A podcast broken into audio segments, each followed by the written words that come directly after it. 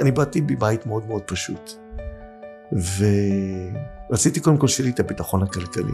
ראיתי שלפעמים להורים שלי לא היה קל, שהיה להם קשה. ואימא שלי הצליחה לקנות את הדירה שלה אחרי גיל 50. קנתה, היינו גם בבית של עמידר, אז אמא שלי קנתה את הבית של, שלה מעמידר. אז אני כבר איך שהתחתנתי, קניתי, ואחרי זה בעסקים, הייתי והצלחתי. וראיתי שיש לי ביטחון כלכלי והכל בסדר, ו... והצלחתי בעולם העסקי, אבל חומר לא ממלא את האדם. כסף לא עושה את האדם מאושר, ממש לא. אתה צריך לעשות משהו שאתה מרגיש בו שליחות.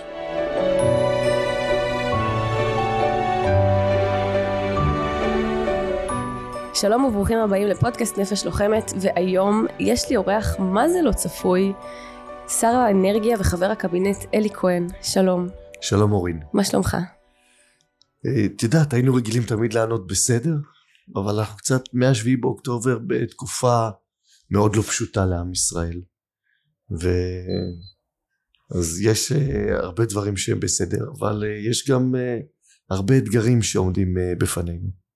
אז uh, המאזינים שלנו רגילים שהפודקאסט הזה מדבר על בריאות הנפש, תהליכי התפתחות וסיפורים מעוררי השראה ואתה שר ופוליטיקאי ואני אספר לעוקבים שלנו שלפני שהתחלנו את הרעיון אמרתי לך אלי תוריד את הג'קט מותק כדי שתרגיש בנוח כי אני רוצה לראיין אותך בתור אלי האיש שעשה כל כך הרבה בחייו ואת האמת אני אגיד לך פחות מעניין אותי פוליטיקה נלך על זה. כן, אני מכירה אותך קצת יותר באופן אישי, ובאמת, אתה יודע, הסתובבתי הרבה פעמים בכנסת ובכל מיני דברים, ואני אחמיא לך ככה על ההתחלה, שאחד האנשים באמת הכי אמיתיים שראיתי זה אתה, ולכן אתה גם הראשון שמגיע מכל אה, חברי הכנסת והשרים, ואני באמת באמת רוצה לשמוע על אלי, על איש המשפחה, על ההורים שלך, על הילדות שלך, איך התגברת על הקשיים, כי אם הגעת לתפקיד כל כך בכיר, היית שר החוץ עד, עד לפני חודש, עכשיו אתה שר האנרגיה, ולפני זה עשית עסקים מטורפים, אז בטוח שיש שם איזשהו חוסן נפשי ומנטלי,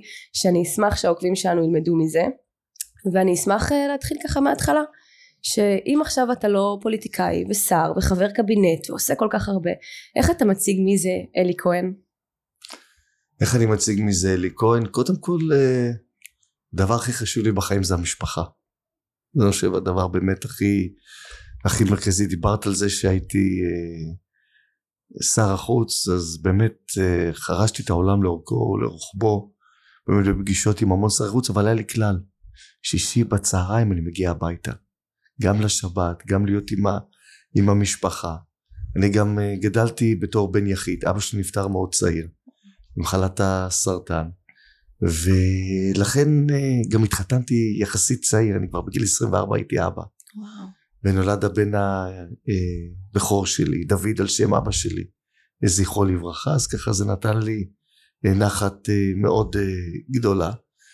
ולכן להיות איתם אם זה היה אגב תלוי בי היה לי יותר מארבעה ילדים. אז אבל אשתי שהיא בעיקר נושאת בנטל, אמרה ארבעה ילדים, כאילו, עד כאן, אז זה, אז קודם כל באמת המשפחה. מדהים. ואם זה בסדר שאני שואלת, באיזה גיל אבא שלך נפטר כשאתה היית... אבא שלי נפטר בגיל, בגיל 43, נפטר בגיל מאוד מאוד צעיר. ובן כמה אתה היית? אני הייתי בן 19, אה, כן, הוא נפטר מסרטן המעי הגס. אגב, כשגילו לו את זה חשבו שהוא לא יחזיק יותר מכמה חודשים כי זה מאוד התפשט אבל היה צעיר הוא רצה לחיות אז לכן הוא החזיק עם זה אה, כמה שנים עד שבסוף זה כבר היה קשה שזה לא היה, שזה לא היה פשוט אבל אה, זוכר אחד הדברים שגרמו לו נחת זה שהוא הספיק לראות אותי קצין אז ככה בצבא זה היה ככה חשוב לו ואיך היה הקשר שלכם לפני זה? הוא היה קשר טוב, הדוק? אתה וההורים שלך? בטח, את יודעת, זה... כשאתה בן יחיד, ההורים שלא הצליחו להביא עוד ילדים. אז כשאתה בן יחיד, אז כמובן... כל תשומת הלב עליך. תראי, גם עד היום, אה, אימא שלי זה באמת האישה הכי חשובה לי בחיים. באמת, עבדה מאוד קשה לעשות, לגדל אותי. אני בדרך כלל כל החלטה, שאני מקבל החלטה משמעותית, אני נוהג להתייעץ עם שתי הנשים החשובות בחיי. עם אימא שלי ועם אשתי. הן לרוב כל כך נוחות והן תמיד אה, אומרות לי, אם אתה חושב שזה טוב, תעשה את זה, אנחנו תומכות בך וכן הלאה, אז תמיד הן תומכות, גם כאשר אה, הדברים אה, לא בהכרח אה, ודאיים, אבל אני רוצה לראות שאני לפחות אה, אה, לא טועה. אז אה, כן, אז, אה, וגם מי שיודע אם מזמין אותי לארוחת שישי או משהו כזה, אז אמא שלי מצטרפת, צריך לדעת. איזה יפה זה, איזה יפה זה שלא משנה אם אתה שר ובן כן. כמה אתה, אימא זאת אימא. חד וחלק. איזה יפה זה. אמא זאת אמא. ומה, איפה שירתת בצבא? אמרת שהיית קצין, אני מגלה מלא דברים עליך שלא כן, ידעתי, איזה כיף כן. לי. כן. אני הייתי אה, אה, קצין אה, חימוש, הייתי בנ"מ, אגב שם גם הכרתי את אשתי, כן? היא הייתה סמב"צית ואני הייתי קצין וככה אנחנו אה, הכרנו. והאמת שאני עשיתי קורס קצינים, אמרתי נעשה שנה קבע ו- ונשתחרר. ואז בא אליי מפקד היחידה ואמר לי תלך תצא ללימודים מטעם הצבא. אמרתי לו, שמעון, תשמע, אני עשיתי קורס קצינים, שנה אני עושה קורס קצינים ואני יוצא לאזרחות. רציתי ללמוד כלכלה, ראיית חשבון וכן הלאה. אז הוא אמר לי, כולם רוצים לצאת ללימודים, אני מציע את זה לך, למה אתה לא לוקח את זה? ואז התייעצתי עם אה, אשתי שבאותה ימים הייתה חברה שלי, אמרתי, תשמעי, הוא באמת רוצה לבוא וככה לעזור לי, נראה לי שככה ממש אה, בעדי והחלטתי אה, כן לקחת את זה ולכן יצאתי שנתיים ללימודים למדתי ראיית חשבון באוניברסיטת תל אביב עשיתי גם עוד תואר ב, ב, בכלכלה ואז נולד לי הבן הבכור שלי דוד? בן כמה היית? כשהוא נולד? הייתי בן 24 Mm. כן יצאתי בגיל 23 23 וחצי לימודים. ואני חושב שזה אפשר לומר הילד היחיד ש, שבאמת אה, ממש ככה הייתי איתו. כי הייתי סטודנט אמנם הייתי קצין אבל הייתי סטודנט אז אז באמת הייתי איתו, כל האחרים, או האחרות, כי אחרי זה יש לי בנות, יש לי את שירה, את נוגה, את עמנואל, אז איתם ככה פחות הייתי אה, טוב, הייתי יותר תובעני בעבודה. ובמה עבדת אחרי ש... אז אחרי זה חזרתי לשירות קבע של אה, עוד אה, שלוש שנים, ולאחר מכן השלמתי את ההתמחות שלי בראיית חשבון, עבדתי בחברות בינלאומיות, בחברות דירוג אשראי, היום זה מאוד ככה פופולרי, דירוג אשראי עולה, יורד, אז עבדתי באחת מחברות דירוג האשראי, ואחרי זה הלכתי לעולם העסקים, ניהלתי את אחד מחברות ההחזקה הגדולות במשק, שמתעסקת בנדל"ן, באנרגיה, בתקשורת, ו... והצלחתי בתחום הכלכלי, אני, אני באתי מבית מאוד מאוד פשוט, ורציתי קודם כל שיהיה לי את הביטחון הכלכלי. ראיתי שלפעמים להורים שלי לא היה קל, שהיה להם קשה. ואימא שלי הצליחה לקנות את הדירה שלה אחרי גיל חמישים. קנתה, היינו גם בבית של עמידר, אז אימא שלי קנתה את הבית של, שלה מעמידר. אז אני כבר איך שהתחתנתי, קניתי, ואחרי זה בעסקים, הייתי והצלחתי. וראיתי שיש לי ביטחון כלכלי והכל בסדר, ו...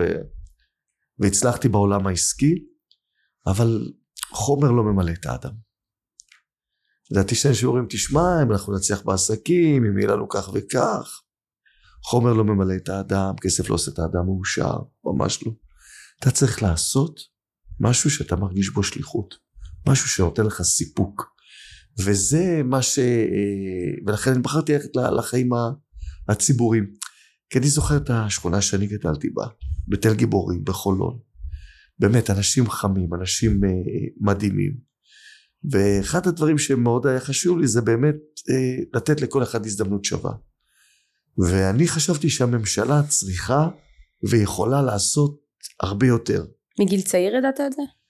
אה, כן כן את יודעת. אה, לך מחמאה את אה, צעירה אז אה, בסוף שנות ה-70 תחילת שנות ה-80 מנחם בגין ודוד לוי זכרם, אה, ד- מנחם בגין זכרו לברכה ודוד לוי שייבדל חיים ארוכים עשו תוכנית אה, פרויקט שיקום שכונות ואת יודעת אני גדלתי כזה בבניין רכבת כזה של, של ארבע כניסות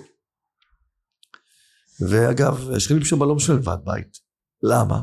אתה יודע, יש חלק שיכולים לשלם חלק שלא יכולים לשלם אז שחלק יכולים לשלם וחלק לא אז אף אחד לא משלם ואז, ואז ככה ואז ככה זה נראה אז תדמייני שהכל כזה מבורדק בבניין רכבת וכן הלאה אז uh, ברגע התחיל פרויקט שיקום שכונות, אז את יודעת, אז השכונה נראתה, ובמיוחד הבניין, כאילו קצת יותר יפה. זה עשה ככה תחושה הרבה יותר טובה. בן כמה היית כשזה קרה? תשע, עשר, וואו. אחת עשרה. אז אה, אתה מרגיש שהממשלה צריכה ויכולה באמת לעשות יותר. ואת יודעת, כשנכנסתי לכנסת, ראיתי שיש פערים גדולים לדוגמה ברכישת השכלה אקדמית. פער של פי ארבע אם אתה מגיע ממשפחה שהיא פחות חזקה, לעומת אם אתה מגיע ממשפחה חזקה, סיכוי שתסיים תואר אקדמי באוניברסיטה הוא פי ארבע. ו, ובסוף היום אני יכול להעיד על עצמי, החינוך, רכישת ההשכלה, רכישת הידע, זה הדרך לפרוץ תקרות זכוכית. ולכן אימא שלי תמיד הייתה אומרת לי ללמוד, ראיתי אותה עובדת מאוד מאוד קשה, ולכן לא יכולתי לאכזב אותה, והיא ביקשה ממני רק דבר אחד, תלמד. ולכן למדתי והשקעתי, אגב, גם כשהייתי בחברות העסקיות, והצלחתי והרווחתי הרבה כסף, אמא שלי זה לא עניין אותה. העיקר שאני אלמד. אז אני רק דבר אחד, אני, כשנכנסתי לפוליטיקה, אני הייתי ממש קרוב מאוד לסיום הדוקטורט שלי, הייתי גם מרצה באוניברסיטת תל אביב, אז בגלל הפוליטיקה ושנשאבתי אה, לכל הפעילות, אז לא הצלחתי להשלים את הדוקטורט, אז זה אני חייב לאמא שלי, מתישהו, מתישהו נעשה את זה. וואו תקשיב זה, זה מדהים כי בדרך כלל באזור הגילאים של עד גיל העשרה תמיד יש איזשהו רגע כזה מאוד ברור שאומר לנו מה אנחנו רוצים לעשות כשנהיה גדולים. עכשיו זה לא קורה לכולם אבל אה, אני בטענה שלי הפסיכולוגית נקרא לזה טוענת שכולנו בנויים או על חורבות או על תפארת ילדותנו. לרוב זה חורבות. ואם אנחנו באמת רוצים לשנות ולעשות דברים ממקום טוב אנחנו צריכים להסתכל על הדברים שבאים לפתח ולא על הדברים אני יכולה לספר על עצמי שאני בגלל החוסר בביטחון שהיה לי מההורים שלי מהפגיעה שאני חוויתי מהם המוח שלי באופן טבעי הלך לחפש את הנשק להגן על עצמו.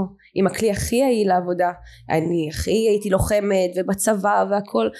ולא הבנתי הייתי בטוחה ששילבתי בין האהבות שלי להצטלם ונשק. לא הבנתי ששילבתי בין שני הפצעים שלי שזה נשק שזה חוסר ביטחון והצורך הזה שלא ראו אותי בתור ילדה. ואני חושבת שהרגע הזה לילד בן תשע שהוא רואה שפתאום בואנה אפשר להביא שינוי. כבר מאז אמרת רגע אני, אני אולי אהיה בממשלה יום אחד? זה כבר היה משם? כן, זה כבר היה משם, ואיך זה מתחדד? שבאתי ושהייתי משנה למנכ"ל הכשרת יישוב, ואמרתי, טוב, אני, חברים, אני אומר לכם שאני הולך לפוליטיקה, ואמרתי לחברים הקרובים שלי, האישיים, שהחברים שלי זה אותם חברים מבית ספר יסודי עד היום. וואו אני הולך לפוליטיקה, אמרו לי, למה? כאילו, אתה מצליח בעולם העסקי, אתה מרוויח כסף, לא חסר לך כלום, כאילו, למה אתה, למה אתה כאילו צריך את זה? ואז כמו שאמרת, זה מגיע מהילדות, במקומות שאתה, באמת שזה בוער בך. ואגב, המשפט הראשון שאמרתי מעל דוכן הכנסת היה משפט ממסכת אבות, דע מאין באת. כלומר, גם שהצלחתי, והיה לי חשוב לא לשכוח אה, מאיפה הגעתי. החוק הראשון אגב שהעברתי היה חוק דווקא להגדיל את ההנחה לדיירי הדיור הציבורי. לא אשכח שאמא שלי קנתה את הדירה אז אה, קנתה דירה מאוד מאוד פשוטה. זה היה עבורנו יום חג, כאילו קנינו את הבית הכי מפואר בישראל. רציתי את אותה תחושת ביטחון כי רוב הזמן גרנו כאילו בדירות שכורות וזה חוסר תחושת ביטחון.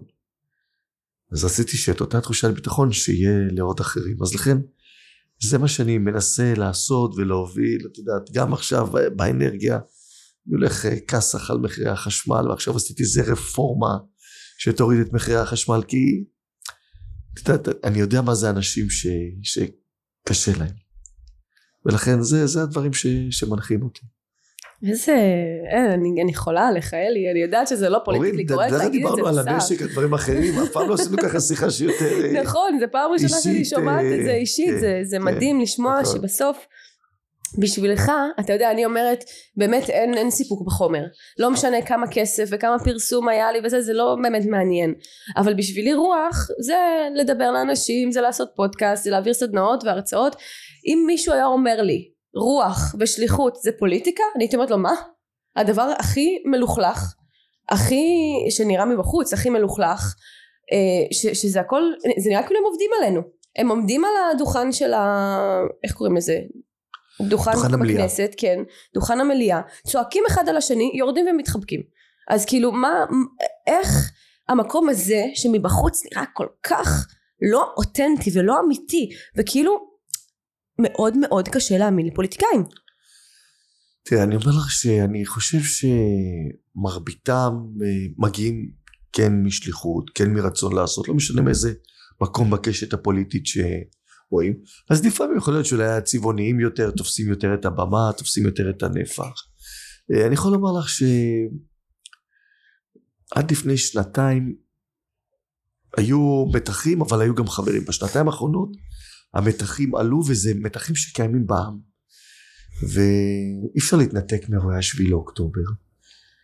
אבל אחד הדברים שבאמת מדהים בעיניי זה איזה עם מדהים יש לנו. נעזוב שנייה רגע את, את הפוליטיקה, לראות את כולם, איך החיילים, באמת, דור הניצחון, דור של אמיצים, נלחמים יחד, נרדמים יחד, עולים על הנגמ"ש יחד, לא משנה מה, מה הדעות הפוליטיות אה, שלהם וכן הלאה.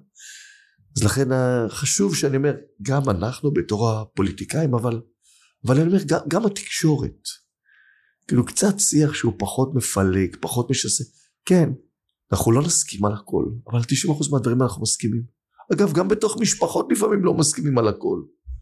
ולכן אני מקווה, אני מאוד מקווה, שהמלחמה הזאת תסתיים, לפחות נדע לקחת את הדברים בפרופורציות. אבל אתה מרגיש שבין הפוליטיקאים יש שיח אחר מאז השביעי לאוקטובר? משהו אולי יותר מעודן? בוא נמצא, בוא ננסה למצוא אולי איזשהו דרך לגשר, איזה... אתה ואני נגיד לא מסכימים, אבל בוא רגע נשב לשיח, כי, כי זה תמיד מרגיש שהפילוג מגיע מהממשלה ומהתקשורת. אה, יש בזה דברים של, של צדק, ולכן ראינו שגם היו לא מעט אה, ב... במערכת הפוליטית שעשו חשבון נפש. אני אגב אף פעם לא, לא האמנתי בשיח משסה, בשיח מפלג. את אני נולדתי בחולון. פעם היה לי הצעה גם, אה, שמעתי בהכשרת אישור לקנות איזה בית בסביון, לא רציתי ללכת למקום כזה שיותר אה, נובורישי. וקחי את חולון, יש עיר של מסורתיים, חילונים, חרדים, חיים ביחד. כאילו, אתה יודע, מוכר שאני קונה ממנו, סתם תגדיר אותו בשישי יש חנות כזאת הוא חרדי והמוכר פלאפל הוא, הוא מסורתי וחיים ביחד ולכן כל ה... לפעמים גם התקשורת שמנסה ליצור איזה שסע כזה או אחר. אני בכנות לא ממש מרגיש את זה. אני רואה את אה, אח שלי החרדי ואני מתחבק איתו והמסורתים יכולים כאילו כולם חיים ביחד כאילו לכן תקשורת כאילו לוקחת ומעצימה את זה ו... ולכן חשוב אחד הדברים שבאמת כל אחד יעשה חשבון נפש. האם, האם זה נכון לעשות ו, וצריך להפסיק ו, עם כל זה שהצעקות וה, והמלחמות ו, ואולי הקללות ואולי הלשסות מביא רייטינג. כאילו אפשר להגיד כאילו חלאס עם זה. כאילו מיצינו את אני חושב שלפחות מיצינו את זה. אני חושב שאנשים רוצים משהו אחר. אני שאני רואה בטלוויזיה כבר איזה מקומות, או, או גם אם זה פרקטיקה, או גם אם זה איש תקשורת, או גם אם זה תוכנית, שעוד הפעם רוצים לבוא ולדבר על ריב ועל שיסוי והפילוג, אני מיציתי, לא רואה כל כך הרבה טלוויזיה, אבל אם אני רואה אני עובר ערוץ. אני חושב שגם הציבור כאילו התעייף מזה, שחררו.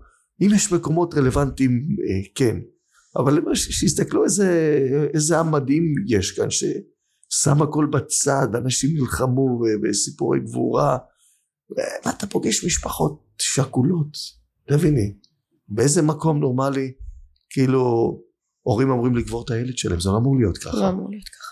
אבל, אבל אתה רואה את התעצומות נפש שלהם, כמה אכפת להם מהמדינה. ואני חושב שבכל המקומות אתה שומע את הצבא, תשמרו על, על אחדות, ואפשר לחשוב אחרת. הכל בסדר. אבל למדינה אכפת מהמשפחות השכולות? בטח. כי אני, אני באמת, אני, אתה יודע, זה לא ביקורת חס וחלילה אישית נגדך או משהו כזה, אבל אני רואה משפחות שכולות, או המשפחות של הנרצחים בנובה, שכמעט אף אחד לא דיבר איתם, שאף אחד לא נתן להם איזשהו מענה נפשי, אתמול עלה סרטון בערוץ הכנסת של אימא שצורחת. איך, איך זה יכול להיות? כאילו למה לא נותנים איזשהו מענה יותר מהיר? כי, כי תשמע אנחנו כולנו פוסט טראומטיים כל המדינה הזאת מדינה של פוסט טראומטיים למה אין באמת איזשהו מענה יותר משמעותי לבריאות הנפש? אני ראיתי את אותה אימא וזה קורע הלב אני ניחמתי הרבה מאוד משפחות שכולות ולא כקלישה הם באמת איבדו את הדבר הכי חשוב להם בחיים. נו, מה יותר חשוב מהמשפחה? מה יותר חשוב מהילדים? זה הכל כאילו לא מתגמד לעומת זה. וכן, ואני חושב שנצטרך לתגבר וכבר עובדים על זה במשרדים הרלוונטיים, לתת גם מענה אישי, גם מענה נפשי, כל מענה לסייע להם לעבור את, ה, את האירוע הקשה מאוד הזה, ש, שאין מילים לתאר עד כמה הוא קשה. תמיד uh, נגררים איכשהו חזרה לכל מה שקורה במדינה כי זה באמת משהו מאוד מאוד כואב. אבל uh, בא לי לשאול אותך אלא. איך אתה מפנה זמן עם כל הלו"ז העצום שלך לילדים שלך? ומה אתה עושה איתם כדי שאתה יודע לטפח את הקשר? כן. אז uh, את יודעת השנה האחרונה במשרד החוץ באמת ככלל בחיים הציבוריים עזוב את זה שאני, שאתה מרוויח פחות כסף, אמרתי זה כבר לא הדבר החשוב. זה פשוט עבודה אינסופית שהמחיר העיקרי שאתה משלם זה שאתה פחות רואה את המשפחה וזה זה המחיר שאני משלם. לצד זה יש סיפוק אדיר וגדול מאוד להוביל מהלכים חשובים ומשמעותיים. אה, אז אה, קודם כל עם, ה, עם הבן הגדול שלי דוד שהוא אה, קצין בגולני במילואים, כן, כן, כן, ו...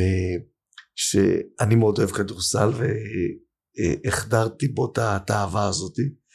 ואז היינו הולכים לשחק כדורסל אחד עד שכבר הוא מנצח אותי אז כאילו אני כבר אה, ככה חושב על משהו אה, אחר לעשות ולגוון גם מצליח להטביע מה שאני לא הצלחתי להטביע.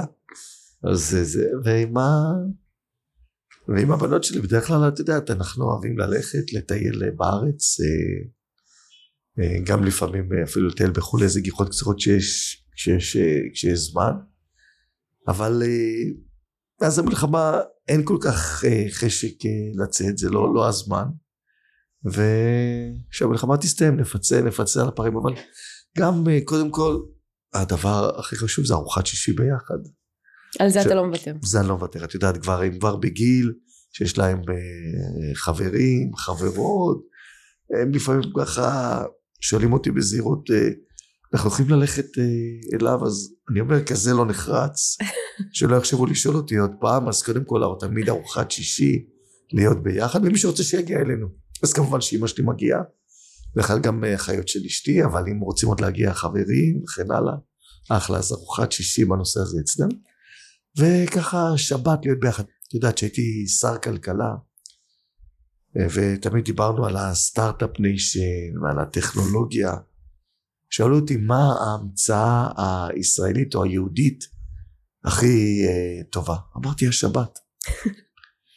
באמת את ככה השבת ככה קצת לעצור ככה גם מהעבודה גם לנפש גם למשפחה גם לאגור כוחות uh, לפעמים שאתה ככה יוצא מקרים שאתה טעות בשבת או, לא, או יש איזה בעיה אז אתה נמצא בסיטואציה שבו השבוע מתחיל יותר מאתגר ולכן השבת היא באמת הזדמנות להיות עם המשפחה ולבלות איתם. מדהים ואיך אתה כי אתה יודע לא ראיתי הרבה בתקשורת על המשפחה שלך כמו ביבי או בנט שכל דבר ככה מערבים את המשפחה שלהם איך אתה מצליח לשמור עליהם? קודם כל איך הם מצליחים לשמור על עצמם אה, המשפחה שלי בעיקר אשתי והילדים קיבלו החלטה שהם רוצים לא להיות אה, באור הזרקורים.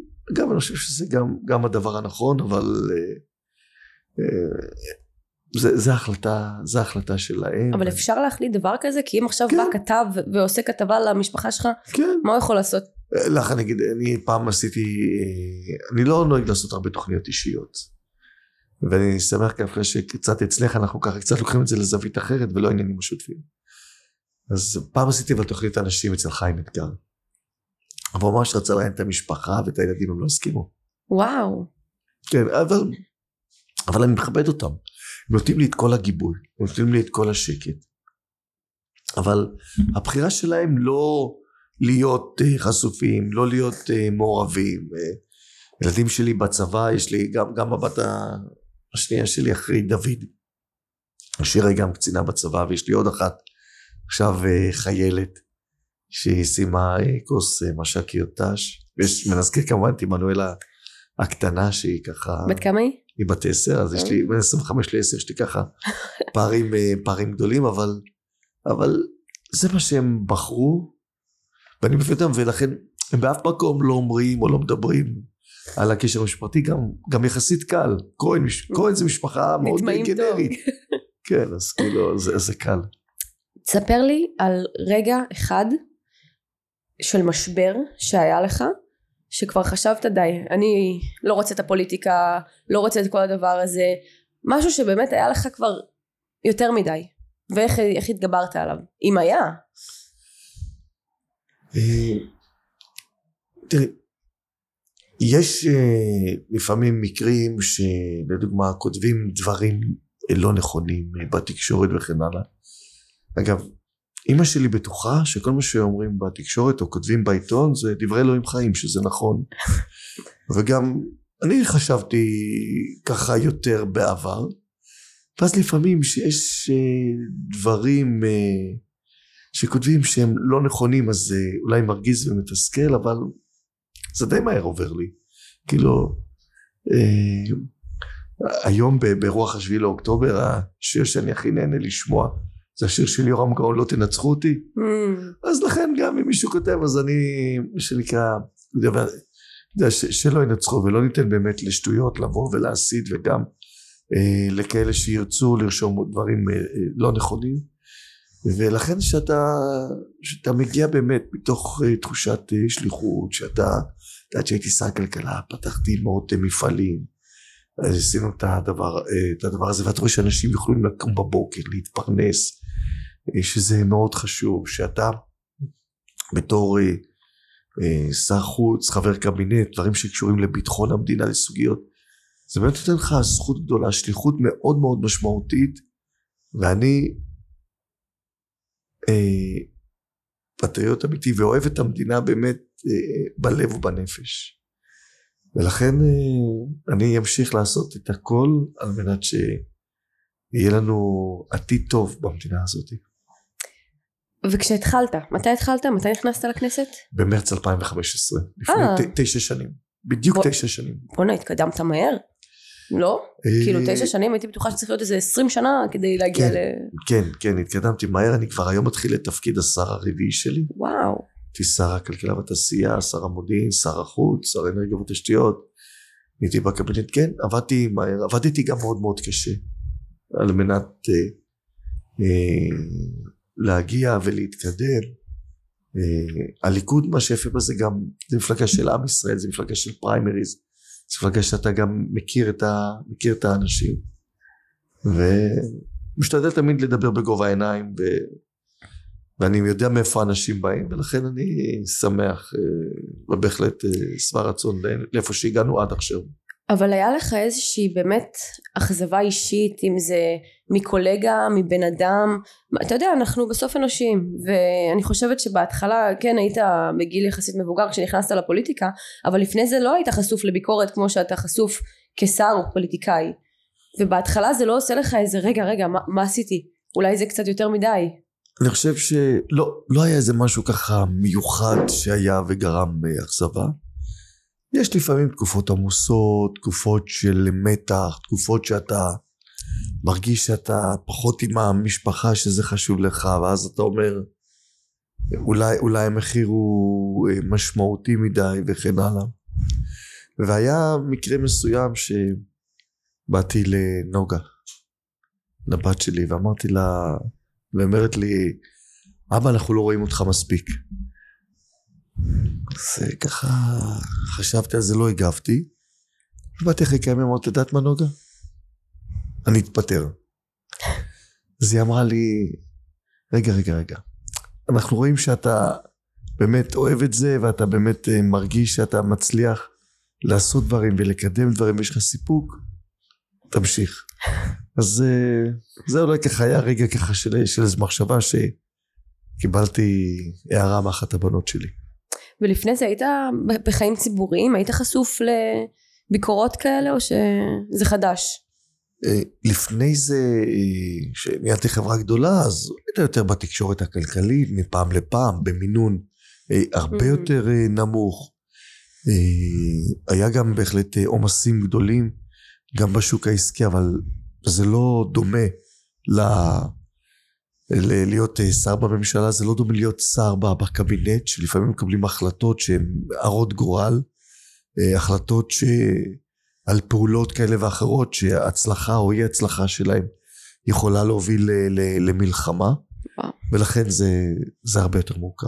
וואו זה הרבה על הכתפיים זה נשמע לי כן. מפחיד אבל אני חייבת לשאול אותך אתה, אתה תמיד כזה רגוע ושלב וחייכן לכולם מה מקפיץ לך את הפיוז מה מעצבן אותך ו- ואל תגיד לי עכשיו חוסר צדק ותהיה פוליטיקאי טוב מה מעצבן את אלי שמישהו מורח אותי או לא אומר לי אמת. או, תגיד אמת, תגיד, לא יסתדר, הכל בסדר.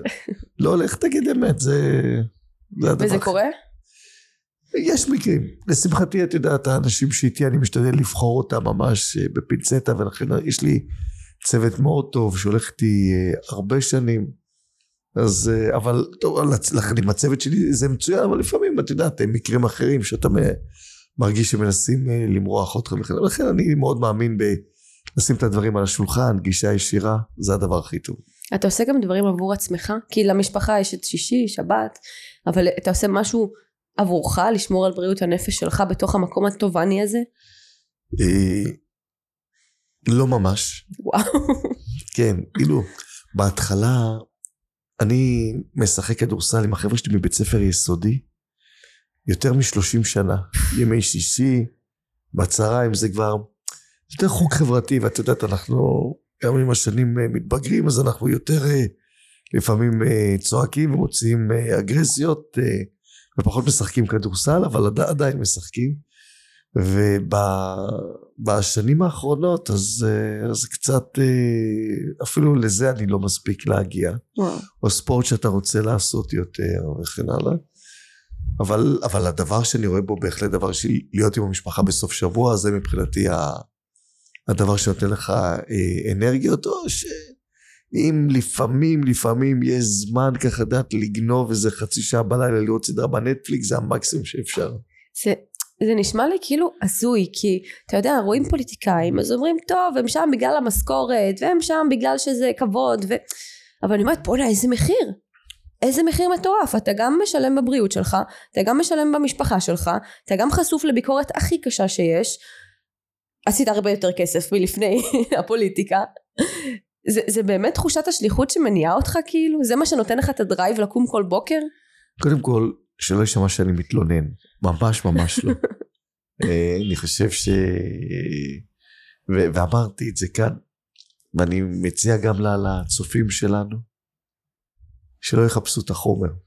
יחפשו את מה שעושה להם טוב. יחפשו את מה שנותן להם סיפוק.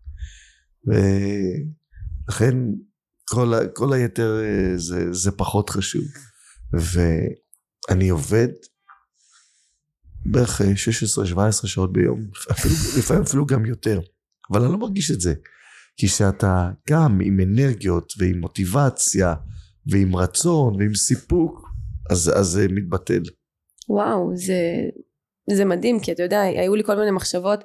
אני בתור בחורה צעירה מאוד אהבתי פוליטיקה מאוד רציתי להיכנס לפוליטיקה. ולפעמים מסתכלים על הדברים שאני עושה כדברים פוליטיים לא שבאמת יודעים את הדעות האמיתיות שלי אבל אני אומרת כאילו גם אם זה שליחות וגם אם זה וואו ואיזה פחד לא, לא איזה לא פחד. צריך אור של פיל לדבר הזה? ואני אשמח אם את תחליט יום אחד להיכנס, אני מכיר את הערכים שלך, את החיבור שלך, את הפטריוטיות שלך, את אהבת המדינה, אבל אני רוצה לומר לך, אני כן, גם מגיל צעיר דיברנו, רציתי להיות חבר כנסת. אבל יצא לי כל כך טוב שהייתי 11 שנה בצבא, שהייתי בעולם העסקי. ואז אתה מגיע עם ניסיון, עם ידע, עם, עם מטען, ולכן אני חושב שנכון לכל אחד, קודם כל אה, לרכוש השכלה, לעשות אה, ניסיון אה, עסקי כזה או אחר, או ניסיון אקדמי, לא משנה, כל אחד שיתנסה בתחום אחר שהוא לא פוליטיקה, ואז אני חושב שהוא יגיע הרבה יותר מבושל עם הרבה יותר אג'נדה לכן אני גם אדם מאוד מאוד פרקטי, יודעת, אני גם רואה חשבון, אני מאוד מאמין בתוצאות, מאוד מאמין בשורה תחתונה, ולכן גם כשהייתי שר חוץ, את יודעת, אמרתי, אוקיי, כמה שגרירות העברנו לירושלים? איך אנחנו פותרים את הוויזה מעל הברית? איך אנחנו פותרים טיסות uh, מעל אומן? איך אנחנו דואגים להביא כמה שיותר מנהיגים בזמן המלחמה, על מנת שיהיה גיבוי למערכת הביטחון. ולכן uh, זה, זה, זה הנקודה שצריך לראות אותה. אז זה מוביל אותי לשאלה הבאה, בדיוק מה שאמרת. אילו צעדים פרקטיים נעשו במשרד החוץ, אני יודעת שזה קצת פוליטי, סליחה למאזינים שלנו, זה פשוט מאוד מאוד מעניין אותי, אילו צעדים פרקטיים נעשו מהשביעי לאוקטובר במשרד החוץ, כי אם מסתכלים על הסברה, שרת ההסברה התפטרה, ואתה יודע כל הזמן אומרים שההסברה פה היא על הפנים וחמאס עושים שיווק מעולה, מה נעשה במשרד החוץ? קודם כל, אה, הדבר המרכזי שלנו זה היה לתת כיפת הגנה מדינית בזמן שאנחנו נלחמים. במלחמת אה, עזה, מלחמת חרבות ברזל, אני לא זוכר שמקום המדינה הייתה רכבת אווירית כל כך גדולה בעיתוי כזה או אחר. הבאנו 64 משלחות, הבאנו את המנהיגים הכי בכירים בעולם, נשיא ארצות הברית, נשיא צרפת, קאנצלר גרמניה, ראש ממשלת איטליה, ראש ממשלת בריטניה, שרי חוץ, אחד הדברים ש... מניח שכולנו מכירים את המשפט, מי שטורח בערב שבת אוכל בשבת. ואני באמת בתקופה שקדמה למלחמה, בתשעה חודשים, נפגשתי אישית עם 65 שרי חוץ. ביקרתי ב-37 מדינות, שבדרך כלל שר מבקר בממוצע ב-12 מדינות. ולכן כל הקשרים האישיים שיצרנו, תרגמנו אותם לתקופת המלחמה.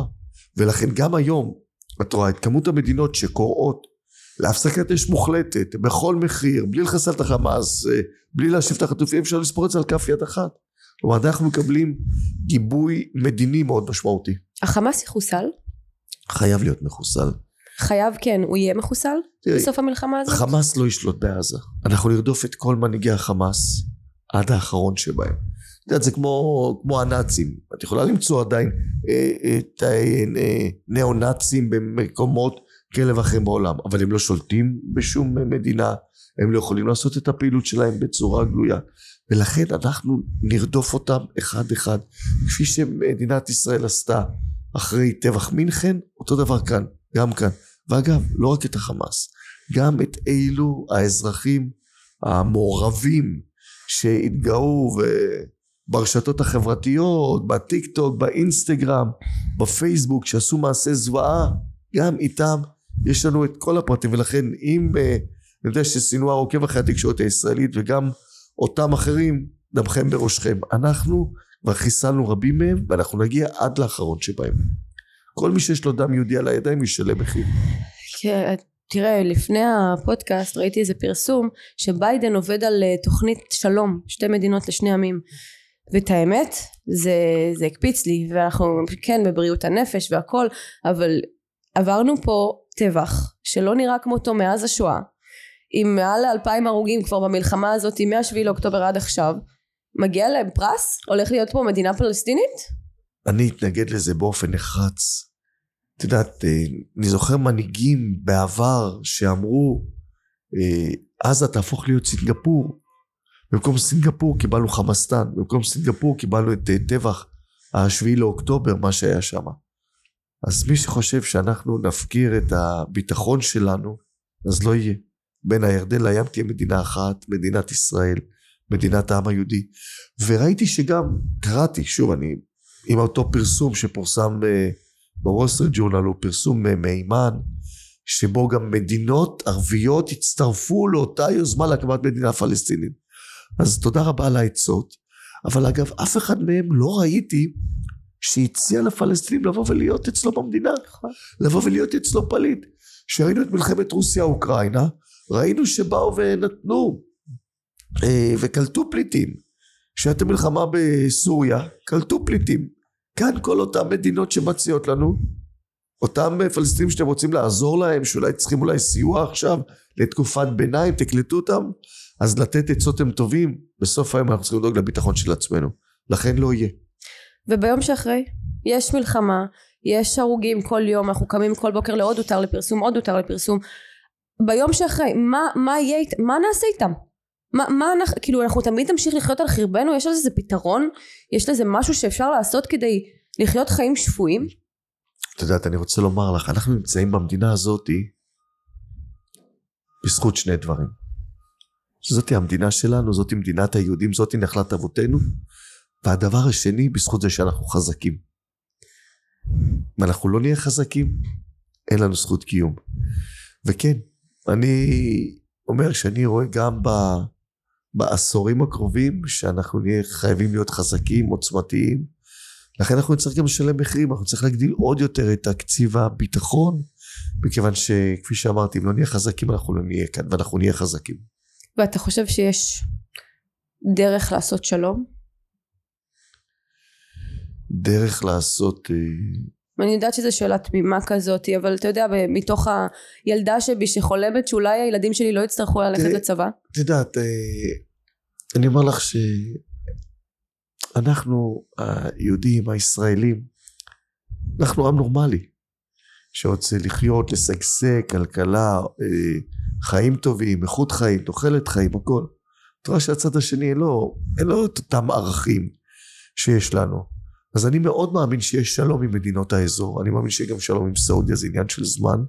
אני כמעט בטוח בזה שזה הולך לכיוון הזה. אגב, מאינטרסים של סעודיה, שהיא רוצה הגנה מפני המוסלמים השיעים באיראן, מפני השלטון הדיקטטורי, לכן היא רוצה את הדבר הזה, אבל אה, ייקח עוד לא מעט זמן, מכיוון שגם עכשיו מערכות החינוך, החינוך שלהם מסיתות נגדנו, וייקח הרבה מאוד זמן קודם כל צריך לעצור את ההסתה ועד שהשטיפת מוח תיפסק אז אולי בעתיד יהיה אפשר לדבר על אה, לחיות יחד. אבל בין הירדן לים כפי שאמרתי תהיה רק מדינה אחת ככה אני מאמין.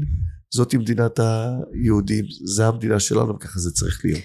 וזה מוביל אותי לעוד שאלה שבעיניי או בעיני אנשים רבים בעם הזה החמאס זה רק אה, זרוע של התמנון. התמנון יושב באיראן. הראש של התמנון יושב באיראן יש משהו שעושים עם הדבר הזה?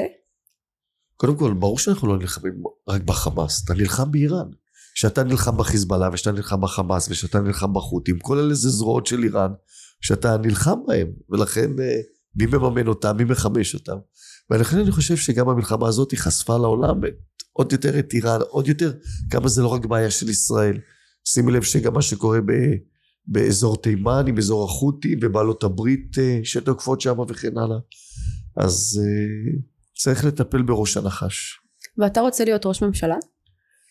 אני בחיים את יודעת אמרתי קודם כל תעשה את התפקיד שאתה עושה תעשה אותו טוב ולכן שאת יודעת אני נכנסתי לכנסת הייתי אה, חבר כנסת ואחרי זה הייתי יושב ראש ועדת הרפורמות ובאמת הובלתי רפורמות מאוד משמעותיות ואחרי זה הייתי שר כלכלה ולכן כל פעם שאתה עושה את התפקיד טוב אה, תתמקד בזה. לכן אני לא עוסק עכשיו את יודעת אה, כן ראש ממשלה לא ראש ממשלה. אבל אם זה יבוא אז בסדר. עוסק עכשיו באמת את יודעת לעשות דברים גדולים. והנה אני חודש וחצי במשרד וכבר אנחנו דואגים לביטחון האנרגטי במלחמה. גם דואגים לעשות עכשיו רפורמה היסטורית. את יודעת אני בקיץ הקרוב אנחנו פותחים את משק החשמל לתחרות. אתה כבר לא חייב להזמין חשמל מחברת חשמל. וואו. יש 18 ספקים, אתה מרים טלפון, בשיחה פשוטה, אתה חוסך מאות ואלפי שקלים מדי שנה, ולכן אה, זה גם בשורה. קיבלתי החלטה אמיצה, רתמתי את כולם לנושא הזה, הודענו על זה ממש עכשיו, ולכן זה, זה דברים ש, שעושים לי באמת אה, סיפוק. ואתה כן רואה את עצמך אבל ממשיך בפוליטיקה? זה מה שאתה רוצה לעשות? זה השליחות שלך? אני בטווח הנראה לעין התשובה היא כן. כי אני יכול להגיד לך, הייתי בעולם העסקי, עשיתי, הצלחתי, אז אוקיי, אז אין לך קצת יותר כסף בחשבון הבנק. זו לא המטרה שלי בחיים. ואני חייבת לשאול, אתה חבר הקבינט הביטחוני, ואני יודעת שזו שאלה, לא, אתה יודע, קשה, קשה לדבר על זה. מה, מה עם החטופים שלנו? מה, מה קורה שם? איך, איך אנחנו ישנים בלילה בשקט שעדיין יש לנו תינוק בן שנה ילד בן ארבע ועוד מלא אנשים נשים גברים וזקנים בשבי חמאס בידיים של השטן והאם הפוליטיקאים היו ישנים כל כך טוב בלילה אם זה היו הילדים שלהם אני אומר זה חל אני נפגשתי עם יותר מ-90 ממשפחות החטופים ואני אומר את זה, זה יכול לקרות לכל אחד. את יודעת, אני אומר, קחי אותי עם הבנות שלי, והיא אומרות לי, אבא, אנחנו הולכות למסיבה, מה הייתי אומר להם, לא? תלכו למסיבה. או הבן שלי, שאם היה במקרה במילואים או בשירות סדיר, אגב, היה מקרים שלפעמים הייתי נוסע עם אשתי לבקר את הבן שלי שם על, ה, על המוצבים, על, על גבול עזה. לפעמים בשבת, הולכים, מבקרים אותו. אז אחרי זה יכול לקרות אה, לכל אחד במדינת ישראל. ואני פגשתי את המשפחות, וזה פסיפס של עם ישראל. ואני חושב שאף אחד לא ישן טוב בלילה. פדיון שבויים זה ציווי, ולנו יש ערכים, ואנחנו מחויבים. ולכן אנחנו רואים שגם חיילי צה"ל האמיצים, המדהימים, לוקחים ומבצעים פעולות מסוכנות על מנת uh, להחזיר את, ה, את החטופים. ואנחנו הופכים uh, כל אבן גם על מנת להגיע לעסקה נוספת ולשמחתנו uh, 112 חטופים כבר חזרו למשפחותיהם ואני מקווה שנצליח uh, uh, להשלים אנחנו יודעים איפה הם נמצאים. אנחנו עם השב"כ המטורף שלנו והמודיעין המטורף שלנו אנחנו לא יודעים איפה החטופים נמצאים. אז, אז בשבוע האחרון ראו שידעו איפה שניים נמצאים ואני יכול לומר לך שחיכו לעיתוי הנכון לעשות את הפעולה. ולשמחתנו לוחמי הימ"מ באמצעות המידע שהגיע מהשב"כ הצליחו לבצע פעולה מדהימה של חילוץ שני חטופים משבי החמאס בלי אף פגע לכוחותינו כן ירבו מבצעים כאלה. אמן. Uh, יש לי, אתה יודע, בפן הפוליטי יש לי נראה לי את השאלות והתהיות של כל uh, עם ישראל, של כאילו, מה יהיה עם הביטחון שלנו? איך יכול להיות שאומת ההייטק, עם ישראל הכל כך מפותח והמדהים עם הצבא הכל כך חזק, איך זה קרה לנו אלי? איך זה קרה? מישהו נרדם על המשמר? מישהו מכר אותנו? קודם כל, אה, אני בעד שתקום ועדת חקירה ממלכתית שתבדוק הכל. איך קרה, מה קרה, בדרג המדיני, בדרג הביטחוני. אחד, מי שאשם שייתן את הדין, אבל להבטיח שכזה דבר לא יקרה. ויש לנו צבא חזק, אבל כאילו 12 שעות, כאילו משהו לא עבד. משהו כאילו לא קרה, וזה בהחלט מחייב בדיקה מאוד מאוד משמעותית. והנה אנחנו רואים עכשיו את הצבא בשיא עוצמתו. הולך ותוקף וחיל האוויר וטנקים וכוחות יבשה ו- ומהים ופעולות אה, חשאיות כמו צה"ל שאנחנו רוצים, יודעים ומכירים ויש לנו לוחמים עזי נפש, מפקדים מצוינים, פגשתי את אה, מפקד האוגדה, עכשיו היה לנו תדרוך, שומע את הפעולות ואתה רואה בזמן שסינואר כמו עכבר מתחבא במחילות המפקדים שלנו עומדים בראש הכוח אבל זה מחייב, מחייב בדיקה עמוקה, וכמובן שהתפיסה הביטחונית תשתנה. האירוע הזה ילווה אותנו עשרות שנים קדימה. אנחנו נצטרך נוכחות הרבה יותר גדולה, הרבה יותר מסיבית, אה, על מנת שבאמת אה, יהיה ביטחון, אבל גם שתהיה תחושת ביטחון. ואם תקום אה, ועדת חקירה כזאת, ותגיד שכל הר... הראשים צריכים ללכת הביתה, לתת את הדין, אתה חושב שהם ייתנו את הדין? כן, אני חושב אחד, כמובן... מישהו ש... ייקח אחריות? קודם כל בעיניי לממשלה יש אחריות. אין שאלה כמובן.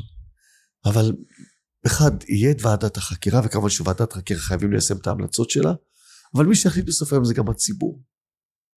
איך צריך לבוא ולהיות ולהתנהל מכאן. אז uh, אני חושבת שאני כמו כל המדינה וגם כנראה כמוכם הפוליטיקאים לא, לא ישנים מהשביעי לאוקטובר. הייתי בשבעים יום מילואים יצאתי למשלחת לעשות הסברה לישראל וזה נראה כאילו אנחנו עומדים לבד.